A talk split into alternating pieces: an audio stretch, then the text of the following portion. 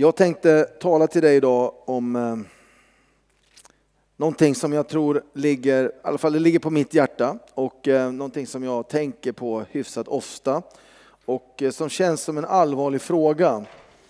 Och det är din och min kallelse, det som Gud har liksom lagt ner i oss att vi ska utföra eller göra, vara i, den här, i det här livet.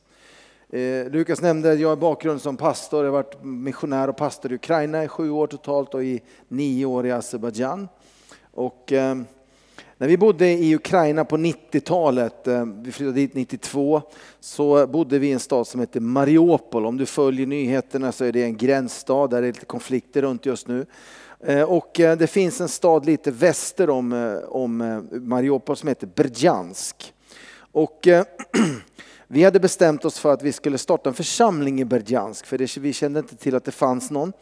Eh, och så hade skickat dit ett, ett gäng med ungdomar och, och, de hade hållit på ett tag och sen så var det dags, det hade samlats, och blivit en liten församling så skulle vi åka dit liksom och officiellt starta igång den där.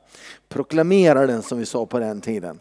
Och eh, ja, då ville de att jag skulle göra det. Och, eh, så jag satte mig i bilen och skulle åka till Berdjansk. Det var bara det att på den tiden i Ukraina fanns det inga vägskyltar. Och eh, det fanns inga kartor, det fanns ingen GPS, det, finns, det fanns liksom ingenting. Det var bara, det var bara vägar. Och man fick liksom gissa då, eller fick man ha någon i bilen. Eh, och när vi sätter oss i bilen då så är min tolks mamma då med i bilen eh, utav någon anledning. Och, och, och vi kom på, vi kan, jag kan inte vägen till Bejansk. Liksom. Så jag frågar henne, är det någon som kan vägen till Bejansk? Vi är på väg ut ur Mariupol. Ah, då säger jag, ja, jag vet, säger hon. Och då kände jag liksom den här, jag vet inte om du har känt det någon gång, du känner det här liksom, någonstans hugger det till här inne att ah, det var en sanning med modifikation liksom. Det, jag vet liksom inte riktigt. Så, att vi, så hon sa, nu kör du åt det här hållet sa hon och så pekade hon och så började vi åka. Och eh, det var, alltså, vägen var inte dålig, va? den var knappt existerande. Och det var stora gropar i vägen och det var otroligt dimmigt då. Så att man såg liksom, och det blev bara på kvällen, det här mitt i veckan, en onsdag. Så att det blev liksom sämre och sämre sikt och eh, jag hade sådana stora extra ljus. Eh, och när jag satte på dem så blev det bara en vit vägg liksom framför så här. Så att jag, jag tänkte jag får köra utan dem och jag, jag började liksom, och det gick så här ja, 30-40 kilometer i timmen och vi hade gott om tid på oss. Jag fick liksom köra slalom mellan groparna. Och eh, eh vid något tillfälle då så, så stannade vi i något samhälle för vi visste inte om vi skulle åka någonstans. Eh, det stod, det, det stod Berjans till vänster och då stannade vi och tänkte vi måste, det fanns faktiskt en skylt där då. Så då frågade vi, är det verkligen till vänster? Nej, du kan inte åka där för bron är sönder, ni måste åka rakt på. Okej, okay. så vi körde rakt på, det var liksom jättedåliga vägar. Eh, och det gick väldigt långsamt och tolkens mamma vägde lite mycket så bilen var helt nedlastad. Liksom så här, va? Det är dagens sanning. Och, eh, så det slog nästan liksom i då den här gamla Dat, Datsun var det liksom. Datsun Nissan Laurel om du vet vad det är för stridsvagnsbil. Liksom. Den var, ja, och, eh, så jag tog mig fram där och efter ett tag, det var ju väldigt dimmigt så jag såg ju inte de här hålen så fick jag köra jättesakta då. Och eh, efter ett tag då så klarnade det upp lite grann då, så jag fick upp hastigheten och det blev faktiskt en asfaltsväg då med lite gropar i men det var mycket bättre då. Så jag tänkte nu, nu, nu börjar det se hoppfullt ut det här så jag fick upp hastigheten då efter ett tag. Tänkte nu kunde jag köra hyfsat fort så jag var uppe i 70-80 och jag började liksom tänkte titta på klockan, eh, vi hinner nog kanske fram någorlunda i tid i alla fall.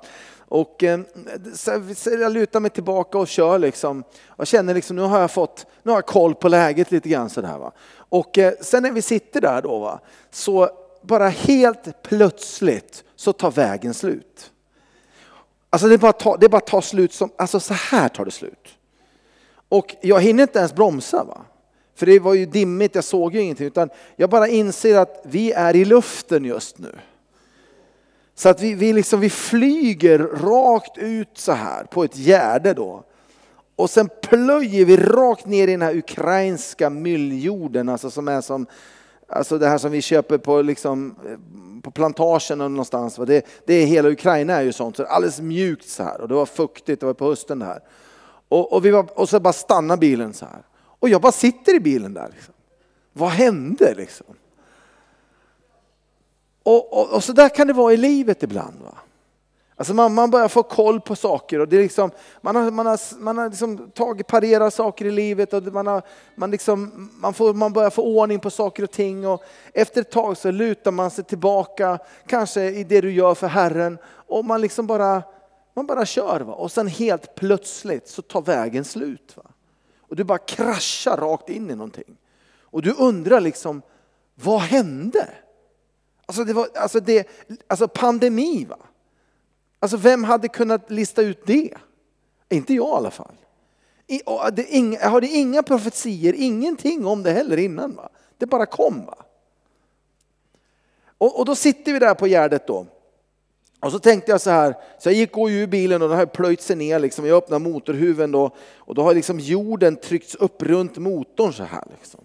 Så vi tar ur alla ur bilen och tänker hur ska vi komma? Men vi tänkte ja, vi får väl i alla fall göra ett försök. försök Så jag fick igång, jag fick, tog bort all lera där och fick igång bolen. Det var ju som en sån här dieselmotor. Sex, alltså den, är, den går inte sönder den där japanska motorn. Liksom. Den, den gick igång. Ja, så vi fick, till slut så lyckades vi få upp bilen och då upptäckte jag att trots att asfaltsvägen tog slut så fanns det en traktorväg som fortsatte över Gärdet. Liksom. Bara rakt ut över, jag vet inte om det har varit i Ukraina, men det är sådana böljande fält som i Skåne. Så här. Ja, tänkte jag. Ja, vi fick upp bilen på den där och eh, vi fick upp den på vägen och så körde vi vidare då. Och där kommer vi då 1992 på ett gärde i Ukraina med svenska nummerskyltar. En, en, en japansk bil, fanns inga japanska bilar i hela, liksom, hela Ukraina på den tiden. Och så kör vi på den här traktorvägen, det går ju liksom så här. Va? Och efter ett tag så delar sig vägen då till två. Jag tänkte, vad ska vi köra nu? Och då ser vi en liten stuga, liksom, som det, någon är där i, för lampan är tänd eller de har någon, någon, de eldar någonting där inne. Så vi, vi kör upp liksom, och då kommer det ut en, en bonde där. Liksom. Han bara, han, liksom, hans ögon är som tefat. Vi såg ut som aliens, liksom. E.T. har kommit ner på jorden. Va? Och han bara står och tittar så här. Och vi kör fram och vevar ner rutan så här. Ja, är det här vägen till Berjansk? Vi är mitt på ett gärde liksom. Traktorspår. Och han, han, han tappar helt, han bara, han bara står och tittar så här. Och sen bara lyfter han handen och så bara pekar han åt ena hållet så här. Jaha, tack sa vi och sen vände vi och så körde vi tillbaka. Så kom vi till Berjansk och vi startade församlingen och eh, ungefär 15 år senare så träffade jag eh, en man på en pastorskonferens som jag predikade på i Ukraina. Så kom han fram till mig och så sa han, minns du mig? Så, Nej, jag var på det där mötet som ni hade, jag visste inte vad det var, jag kom in där och jag tog emot Jesus den kvällen och nu är jag pastor i den församlingen. Om man inte ger upp va, så finns det saker som väntar på oss. När vi går igenom transition som man kallar det i livet, va? Så, så är det, det, bara vi inte ger upp. Va? Vi får gräva bort lite lera ibland och vi får fixa och greja. Men det finns någonting fortfarande kvar framför oss som väntar på oss. I Kolosserbrevets det fjärde kapitlet och sjuttonde versen så säger Paulus, den, den, den äldre då, säger till Arkippus, se till att du fullgör den tjänst du har fått i Herren. Se till att du fullgör, att du går hela vägen, att du inte stannar, att du inte faller bort. I andra Timoteusbrevets fjärde kapitel och sjunde och åttonde versen så talar Paulus om att jag har kämpat den goda kampen. Jag har nu, där står det så här, eh, jag har kämpat den goda kampen, jag har fullbordat loppet, jag har bevarat tron. Och eh, ju äldre jag blev, blev frälst, jag kom till, till tro när jag var 20, jag har ingen kristen bakgrund. Och liksom det var, det, ja, livet blev helt upp och nervänt, det blev mycket bättre kan jag säga. Eh, och det blev väldigt spännande. Eh, och jag har lärt mig en sak under de här åren när jag har tjänat Gud som missionär och pastor. Den största kampen du och jag har att ut, ut, ut den största kampen vi har, det är att bevara tron.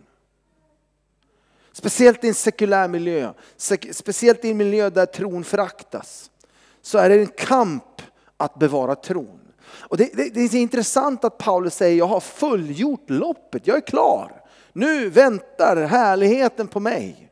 Jag har gjort det som Herren bad mig om. Och jag har gjort det som är viktigast av allt, jag har bevarat tron. Alltså, han, han kommer inte, jag har gjort det här och jag har startat så här många församlingar, så här många brevfrälsta. Ingenting av detta räknar han upp. Utan han säger en sak, jag har bevarat tron. Halleluja. Den tron som gavs genom nåd till mig när jag tog emot Jesus, den tron har jag bevarat. Och i Predikan 7.8 så står det så här, bättre slutet på en sak än dess början. Eh, I engelskan så står det, the end is better than the beginning. Alltså det är inte hur vi börjar, utan det är hur vi slutar. Det kan liksom vara som min barjons, det kan gå massa, hända massa kraschar på vägen. Va? Men det är inte det som är definierande för mitt liv, utan det är hur jag slutar. Eh, I Apostlagärningarna 22, vers 8-10 så möter Paulus Jesus på vägen till Damaskus och han, han, han, liksom, han ställer de här två kända frågorna. Den första är, vem är du Herre? Och den andra frågan, vad vill du att jag ska göra? Alltså det är två frågor som kommer där och där någonstans sammanfattas Paulus förståelse utav vad var hans kallelse i livet. Det var att lära känna Jesus. Vem är du Herre? Eh, liksom det var, upptog hela hans liv att lära känna Jesus. Han ville lära känna denne Jesus som han hade mött på vägen till Damaskus, men som han aldrig hade mött fysiskt som de, de ögonvittnes eh, apostlarna fick göra. Utan han liksom, det var hans drivkraft hela livet, jag vill lära känna Jesus. Och, och kraften i hans uppståndelse. Och det andra är, vad vill du att jag ska göra? Alltså det är ganska liksom det är inte bara det ena eller det andra, det är inte bara superaktivitet utan det är också att lära känna Jesus. Det är inte bara liksom en pietistisk inre grej, vi, vi, vi, liksom, vi känner en massa saker, utan det är det och det. Det är både det inre och det yttre. Det är både Gud och människa om man säger så. Och eh, när jag funderar på detta då, så, så, så, så har jag tänkt så här, om när Paulus skriver de här sakerna till Arkippus, alltså se till att du fullgör din kallelse, Eh, så, så betyder det att det är möjligt att inte fullgöra sin kallelse. Om man är lite negativ då. Alltså det, det, finns, det är inte per automatik att vi automatiskt liksom fullgör det som Gud har kallat oss till. Det finns exempel i skriften på, på, på, på människor som övergav kallelsen, som lämnade den, som, som liksom gick en annan väg. Va? Och eh, Den dog. Vad händer när, när pappret försvinner? Det är det va? Ja. Alltså vad händer? Alltså det är möjligt att tappa kallelsen, att, att mista kallelsen, att, att, att inte fullgöra det som Herren har kallat oss till. Det, det, är fullständigt möjligt och då börjar jag fundera på detta. Vad, vad är det som kan få få oss att lämna våran kallelse? Att hamna på en position i livet så att vi inte fullgör det som Gud har kallat oss till. Och jag, jag, det finns säkert en, en massa olika saker, då, men jag, jag, har fyra saker som jag tänkte jag ska lämna till dig. Då. Är det okej? Okay? Sen så ska jag åka hem, och käka jullunch med min familj. Nummer ett, vad kan få oss att släppa taget? Fel förhoppningar på människor. Jag tror att det är en av de vanligaste sakerna, man blir besviken på folk. Jag hörde det helt nyligen från en, en, en, en, en i min egen familj som sa, nej men jag liksom blev så besviken på kristna, liksom. de var sådana hycklare. Det har vi alla hört någon gång. Fel förhoppningar på människor. I Apostlagärningarna 7 så möter vi en man, vi ska läsa det bibelordet för att jag tycker att det är fascinerande. Det här är en fascinerande historia. Apostlagärningarna 7 och vers 9 och 10 så träffar vi på en man vi, vi hörde talas om, Lukas läste där ifrån samma kapitel. Så står det så här i vers 9 eh, om Josef. Våra stamfäder blev avundsjuka på Josef och sålde honom till Egypten. Men Gud var med honom och räddade honom ur alla hans lidanden. Alltså det här är ju, alltså stamfäderna det var ju patriarkerna. Liksom. De sålde honom till Egypten. Men Gud var med honom. Alltså det här tycker jag är fascinerande. Alltså Gud var med honom. Mitt i våra oförrätter som vi kan råka ut för, så kom ihåg detta, Gud är med dig. Han är Emanuel. Vad hände då med Josef? Josef han, eh, han råkar inte ut bara för den. Först blir han såld av sina bröder. Och sen hamnar han i Egypten. Och sen så arbetar han sig upp där, ja då blir han förrådd av de här munskänken. Va? Alltså, så hamnar han, han hamnar i fängelse, utav, han blir först förrådd av Pottifars hustru. Va? Ah, han falskt anklagad, hamnar i fängelse. Han profeterar och, och tjänar i fängelset. Va? Och munskänken kommer ut och blir liksom återupprättad. Och vad händer då? Jo, munskänken glömmer bort Josef, trots att Josef säger kom inte, glöm inte mig nu. Jag sitter här, det är fel att jag sitter här, men, men liksom, kom ihåg mig. Men han, I två år glömmer han Josef. Sen hamnar den här munskänken själv i lite liksom klämmande situation, han behöver hjälp. Då kommer han ihåg Josef helt plötsligt. Så han tar fram Josef och kort en lång historia då så, så hamnar ju då Josef, kommer ur fängelse, han blir återupprättad, han kommer in i faraos hus och sådär. Och han blir nummer två i Egypten. Och, eh, det är så här, jag såg en, en, en, talkshow för många år sedan, jag vet inte om någon såg det, det var väldigt speciellt, reality show, inte talkshow, reality show. Den gick på svensk tv ifrån, det var man hade tagit sju eller åtta riktiga syndare och placerat dem i ett benediktkloster. Jag vet inte om det är någon som såg detta. Jag råkade bara se det utav en tillfälle, jag satte på tvn och fastnade. Liksom. Det var en sån här reality show, så skulle de bli bortröstade och sådär. Så jag bara tänkte det här var fascinerande. Alltså det var någon som var sån här porrkung och en annan var, alltså det var riktiga sådana här, höll på med massa skumma grejer. Så, så tryckte de in dem i ett benediktkloster för att leva efter Benedikts regel. Liksom. Ganska roligt faktiskt. Och då var det så här, då, då rökte de ihop de här snubbarna. Va?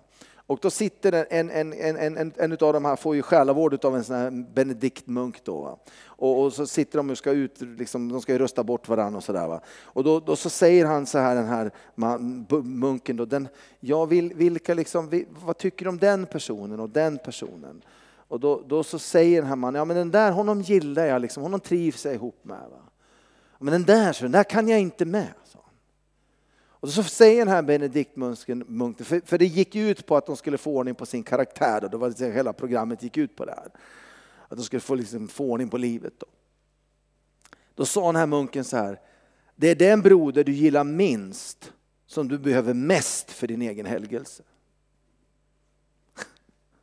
Ibland så skickar Gud in folk i våra liv. För de vet att vi behöver bli lite kantstötta för att vi ska få i ordning på helgelsen, temperamentet i livet.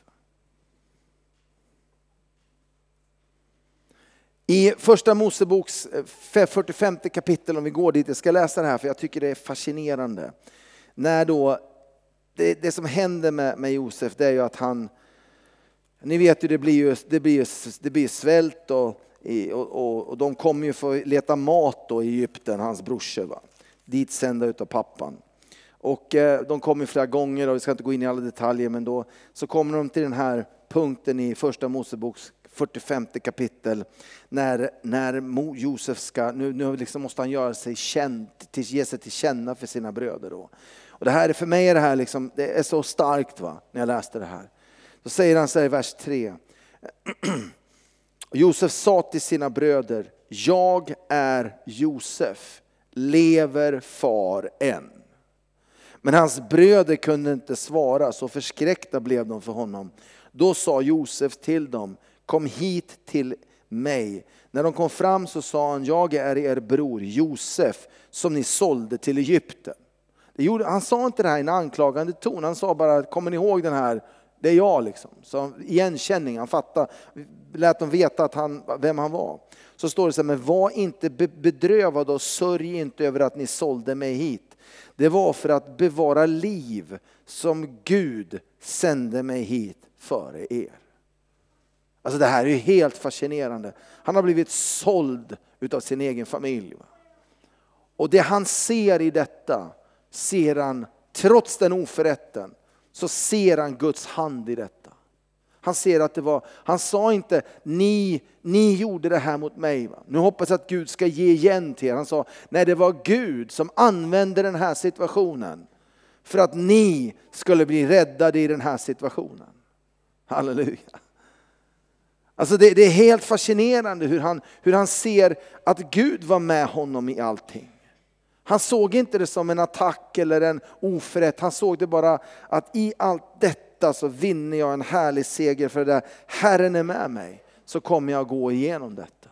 Han lät inte besvikelsen emot människor döda hans kallelse att bli nummer två i Egypten. När vi åkte ut som missionärer 92 så var det en församling som lovade oss understöd som inte gav oss understöd. Underbart. Eh, en broder skulle hjälpa mig, hjälpte mig och sålde min bil men han behöll pengarna. Som jag var skyldig till banken dessutom. Det var liksom början på min missionärskarriär. Och eh, det finns en miljon orsaker att vara arg på folk. Va? Man kan vara arg på sig själv men man kan vara arg på andra. Men vi måste förstå att när prövningarna kommer så kom ihåg att det är Gud som prövar dig och mig. Även om det råkar komma genom människor. Det är han som kikar, hur reagerar vi nu när jag blir trampad på tårna? Hur reagerar jag när det här händer i mitt liv? Ta allt i livet som en träning, en utmaning, en prövning som leder till ett mer överlåtet och helgat liv med Herren. Förlåt och gå vidare. Glöm och lämna bakom. Se till att du inte lämnar Herren bakom dig. Se till att han går med dig. Nummer två som, som är en sån här sak som gör att vi kan tappa våran kallelse eller glömma bort eller missa kallelsen, det är vanföreställningar. Jag har träffat vanföreställningar mycket i mitt liv. Alltså, människor har fria fantasier om hur det kommer att se ut när de kommer in i sin fantastiska kallelse. Sen träffar man dem 25 år senare och de fortfarande går och väntar. Fortfarande. För det är en vanföreställning. I andra Konungaboken 5 och 3 så har vi ju den här, den här mannen då som heter Naman som hade fått spetälska. Han har ju den här tjänsteflickan då eh, som, som talar till Naman, som, som gillar Naman, som säger till honom det finns en profet i Samarien. Och det som händer med Naman det är att den första föreställningen, vanföreställningen, det är ju att han åker till kungen i Israel. Det var inte det tjänsteflickan sa åkte kungen i Israel. Hon sa profeten i Samarien. Men, men, han hade sin egen, liksom, när Gud talade så uttydde utifrån sin egen perception, sin egen förståelse av livet, vad som var viktigt. Va? Jag är ju en viktig person, jag måste ju möta kungen, inte någon profet någonstans. Men till slut så hamnar han då utanför profetens hus. Va? Och då har han igen en massa vanföreställningar. Han kommer säkert komma ut och pussa mig, och, mm, som man gör i Mellanöstern, jag har bott i Azerbajdzjan, pussa mm, så här, liksom, liksom hälsa och visa respekt och allt vad det är för någonting. Va? Alltså, profeten kommer inte ens ut och hälsar. Om man då bott i Mellanöstern som jag har gjort då, så är det den största av alla förolämpningar du kan göra. Va? Att inte ens hälsa. Va? Han skickar en tjänare Lite skum tjänare dessutom. Gehazi. Och så säger till honom då, det, det, det, är det här du ska göra, du ska åka till den där floden, den där lilla bäcken, för det var ju det var det var, det var ju inte ens en flod va. Det var ju en liten å. Och så ska du doppa det där så här många gånger. Och sen ska du bli fri. Och Naman blir ju galen, va? för han har ju, han har ju värsta föreställningen hur den här veckan ska gå till. Liksom. Ja? Han håller på att missa allting. Alltså. Han, blir, han blir så arg va? och känner sig så förorättad i all sin viktighet. Därför det var en sak som måste dö i Naman innan han kunde få ta emot det som Gud hade för honom och det var hans stolthet. Det var tvungen att dö. Va? Så han sätter sig upp på sin kamel och rider hemåt och då är det någon i det här gänget som är med honom, för han åkte ju inte själv, som säger Men Aman, om han hade bett dig om någonting svårt, hade du gjort det? Ja, det är klart han hade gjort. Han var general liksom. Men nu bad de om någonting enkelt, varför gör du inte det för? Och där någonstans så kommer liksom Naman till sans, för han inser att mina dagar är ändå räknade. Jag kommer att dö, jag kommer att få bo själv i någon liten hydda någonstans, jag har ju spetälska. Så han vänder om, halleluja. Bokstavligen vänder om, åker och doppar sig och blir totalt renad.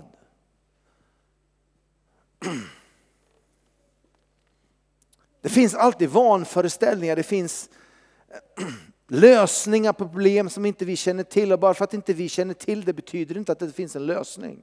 Jag hade en situation år 2000, vi hade precis fått vår registrering i församling, utav församlingen i Azerbajdzjan och de började en tv-kampanj mot mig personligen där de vevade mig på nationell tv i Azerbajdzjan och, och, och anklagade mig för att jag hade dödat en person genom att hypnotisera dem. Och de kallade mig, se upp, de visade mig på tv och så sa de, det här är den farligaste mannen i Azerbajdzjan. Man kan skratta åt det idag, det var inte så roligt då. Va? Och eh, jag tänkte det här blir bara värre och värre och värre. Jag, jag ringde hem till min pastor här i Uppsala och sa vad ska jag göra för någonting? Och han bara skriker i telefonen. Du måste stoppa det här! Jag bara stoppa det här? Alltså, vad, vad kräver du av mig egentligen? Alltså, hur kan jag stoppa någonting? Alltså, det är ju det är som att stoppa Niagarafallet med händerna. Liksom. Jag har ingen tv-kanal, jag har ingen tidning, vi är en förföljd kyrka i Azerbajdzjan och jag är mest hatade, mest förföljda mannen i hela Azerbajdzjan. Jag, jag la på luren och, och jag bara var så upprörd. Va? För jag tänkte, varför, det, där var, det där var inte Gud som talade genom honom. Alltså. Men så, så, så, så bara tänkte jag så här, ja men vänta nu. Det var ändå min pastor som sa det, så det, det är bra ibland. Man tänker, det var min, jag måste i alla fall be över saker. Så att jag, jag tog och fastade och bad några dagar och jag ropade till Gud. Jag måste, för jag visste lösningen på det här problemet. Det fanns inte i, härifrån och dit i mig. Alltså. Jag såg ingen lösning. Har du varit där någon gång? Det, alltså, och, och jag lärde mig en sak då, bara för att inte jag ser en lösning betyder inte att det inte finns någon lösning. Jag är inte Gud liksom. Så jag börjar ropa till Gud och, och när jag ber, en, ber och när jag bett flera, bara i flera timmar, bara liksom dagar, va? så ser jag plötsligt, så blir jag påmind, jag har varit i sån här myndighets på, på premiärministern och de har alltid massa tidningar och så tv-apparat som står på hela tiden. Så såg jag det här kabinetten, här tvn liksom. Så började jag tänka, liksom, TV, varför står tvn på hela tiden för? Och alla tidningarna ligger där. Så började jag, för jag tänkte så här, när journalisterna skriver i Sverige så är det ju för den allmänna opinionen man är ute efter. Det var, det var det jag tänkte, åtta miljoner azerbajdzjaner, hur ska jag nå ut till dem? Liksom? Men i Azerbajdzjan, i diktaturer, så funkar det inte så. Utan där, där har man beställningsjobb som talar till myndigheterna hur de ska agera. Det är så det fungerar. Underrättelsetjänsten spinner igång en massa tv-program som de sen då liksom kör ut. Och det, är, det är egentligen information som går ut i hela, hela eh, liksom apparaten, då, statsapparaten. Så börjar jag tänka, men vänta nu, det är inte åtta miljoner, det är några tusen människor som jag behöver nå. Så här. Och då var det någon som hade gett mig precis innan, och det här fanns inte då, en, en, en CD som heter Kim Kim D, det betyder Who is Who. Liksom. Och det, det har varken funnits förr eller senare. Den här, det var bara en församling, den här tycker jag du ska ha, sa hon till mig. Då var det en CD-skiva och den innehöll alla kontakttelefonnummer och fax, kom ihåg fax? Faxmaskin liksom faxnummer i, för alla ministerier i hela Azerbajdzjan. Och jag bara, den där, den där sedeln kom liksom upp under bön och tänkte, så jag plockade upp den här sedeln och så började jag tänka, nu har jag svaret. Jag, jag, jag har en lösning. För att jag ska inte tala till hela Azerbajdzjan, jag ska tala till myndigheterna att det här är inte sant det de säger på tv. Så vi skrev ett fint brev tillsammans med en advokat. Och sen så sa jag till min, så tog vi ut alla faxnummer till varenda jordbruksdepartement, allt du kan överhuvudtaget hitta på den här sedeln då. Så sa jag till min, en, en som jobbar på, på kontoret, så sa jag så här, Alex, sa jag, nu ska du faxa hela natten. Va? Och du ska inte skicka en fax, för du vet, kommer du ihåg den här faxmaskinen, den rullar ju ut så här. Va? Så jag tänkte du ska skicka faxen en fem, sex, sju gånger till, till alla nummer. Va? Så, att det blir, så när de kommer, och så ska du skicka det på natten, så när de kommer på morgonen va? så är det det här som ligger i faxmaskinen. Liksom. Så han satt hela natten och skickade fax då. Va? Och eh, long story då, klockan tio nästa dag så ringer de från president, presidentadministrationen till vårt kontor och frågar vad är det som har hänt för någonting. Och så fick vi stopp på detta. Det är ganska fascinerande. Alltså. Bara några dagar innan så var det, det var totalt omöjligt för mig. För jag hade en föreställning som inte var sann. Det fanns en väg. Jag bara inte kände till den. Och när jag liksom vände om i, min, i mina vanföreställningar så hittade jag den vägen. Vanföreställningar är en sån här sak som kan få oss att tappa kallelsen. Jag får, jag får älsklingstankar. Liksom. Jag har mött det här så från så många människor. Alltså att vara pastor i en församling, föreståndare, alltså det är ju så Alltså det, det, är så mycket jobb va, med administration och det ska vara glödlampor och det är dörrar som inte fungerar och det, det är lås som går i baklås. Och det, det, är så mycket grejer. Man tänker när man, när man är ung och ska bli liksom pastor så tänker man ah, det, det, det predikar jag ska göra, be för sjuka och liksom kasta, det är det jag ska pyssla med. Det är bara en timme, det är inte ens en timme numera, det är bara 30 minuter va? på söndag. Det är så mycket andra grejer som man inte tänker, är det det här jag ska hålla på med egentligen? Och det gäller ju inte bara om man är föreståndare, det gäller mig. Jag är föreståndare för missionsorganisation. Och jag satt i bilen hit och tänkte så här, alltså undrar hur mycket tid jag lägger på administration egentligen. Undrar om det är det Herren vill med mitt liv. Men någon måste göra det va? Vanföreställningar. Nummer tre, tåget har gått, det är för sent, jag är för gammal. Lukas 14 och 22 så säger Jesus, men här finns ännu plats. Lukas 9.62 så säger han, ingen som sätter sin hand till plogen och ser sig tillbaka är skickad till Guds rike. Det finns en anledning att du har en sån här liten backspegel i bilen och en sån här stor framruta. Det är att du kan inte gå framåt medan man tittar bakåt. Sug på den karamellen en stund. Det är någonting som hände med mig när jag fyllde 50 för några år sedan. Och det, det, det är att min historia blev längre än min framtid. Det är bara faktum. Liksom. Vi ska alla dö en dag. Va?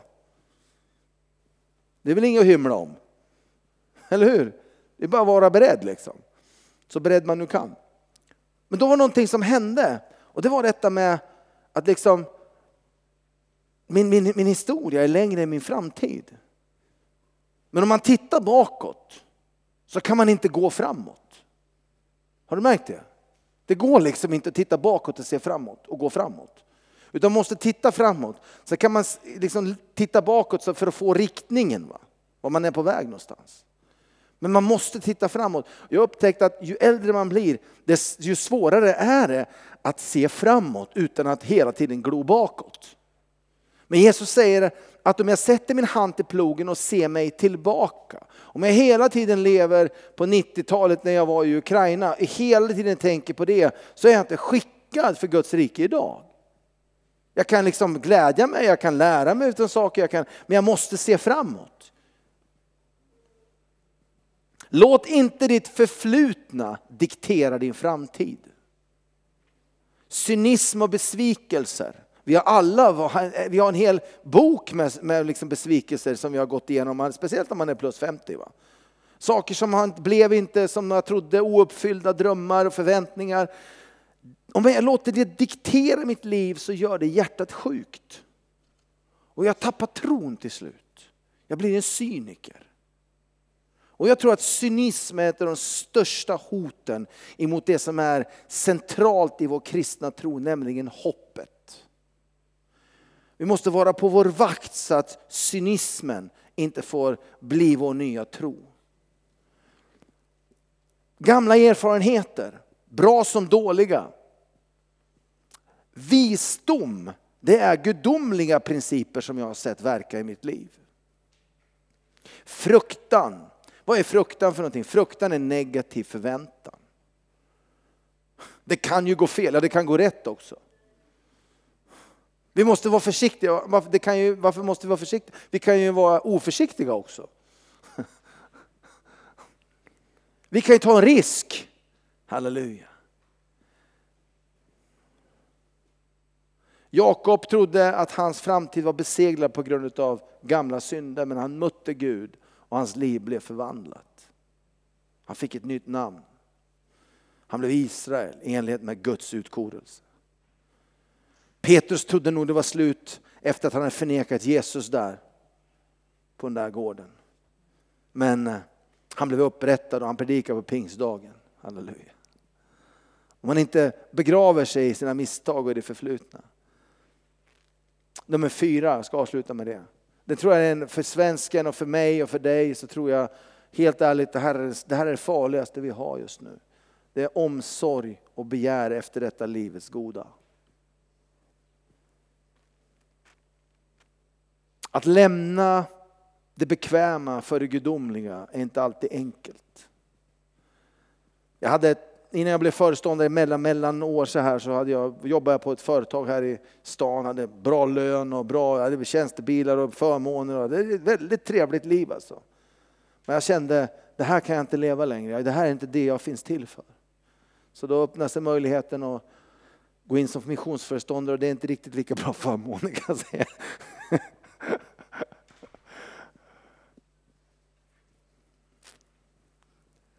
Halleluja. Men det är väldigt härligt.